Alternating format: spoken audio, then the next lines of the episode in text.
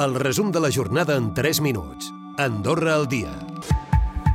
El mercat de lloguer continuarà igual o pitjor el 2024. Així ho ha assegurat Artur Oms, vicepresident de l'Associació de Propietaris de Béns Immobles. També afegeix que la taxa a la inversió immobiliària estrangera que ha impulsat l'executiu no serà una gran solució i cal plantejar iniciatives com la cessió zero de terrenys per afavorir l'habitatge de lloguer. Escoltem doncs el vicepresident de l'associació, Artur Oms. El que sabem i tenim clar eh, és que Mm, estarà igual o pitjor. Això és el que, intent, el que vaticinem. No? El que sí que sabem és que Andorra és un país molt petit, és que hem de fer uns estudis demogràfics, hem de saber quantes persones, quants habitants pot suportar el nostre país. OMS també s'ha referit a la concentració de protesta per l'habitatge del proper dimarts. Creu que no servirà de gaire i que hi ha qüestions més importants sobre l'habitatge. Tornem-lo a escoltar. Una manifestació està molt bé perquè és un dret democràtic i m'alegra molt que la gent pugui sortir al carrer a manifestar-se, però això no farà ni que els preus eh, de la construcció baixin, ni que els preus dels lloguers baixin atès que els preus de la construcció i moltes vegades l'encariment de la pròpia construcció i compliment normatiu han encarit eh, molt les obres, la Fira d'Andorra la Vella tanca amb uns 70.000 visitants, xifra similar a l'any anterior. La venda de forfets augmenta en un 18% respecte al passat. Des del Comú creuen que s'haurà d'ampliar l'espai per la següent edició, ja que alguns estants s'han quedat fora. Escoltem, doncs, el cònsul menor d'Andorra la Vella, Miquel Cantorri.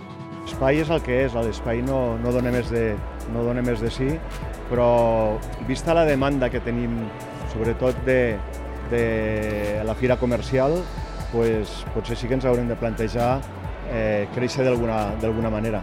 Mm, no sé on, no sé com, perquè encara no ens ho han plantejat, però penso que seria bo de, de començar a pensar-hi i la desena edició de la Caminada contra el Càncer ha batut rècord de participació amb 1.500 persones. La majoria de participants eren testimonis directes o indirectes de la malaltia i demanen més accions i recursos per als pacients. Para ayudar, por lo menos para tener las máquinas aquí en el hospital, para las persones no tener que ir a Barcelona a hacer sus tratamientos. Cal molta inversió i suposo que amb les inversions dels estats no n'hi ha prou, i llavors doncs, les col·lectes populars sempre ajuden, m'imagino. Home, hi ha moltes coses que estan pendents per arreglar, però bueno, a poc a poc m'imagino que una mica de cada vegada s'anirà millorant tot el que sigui possible dins de la societat per descobrir alguna cosa, per, per, fer, per lluitar, és, és imprescindible.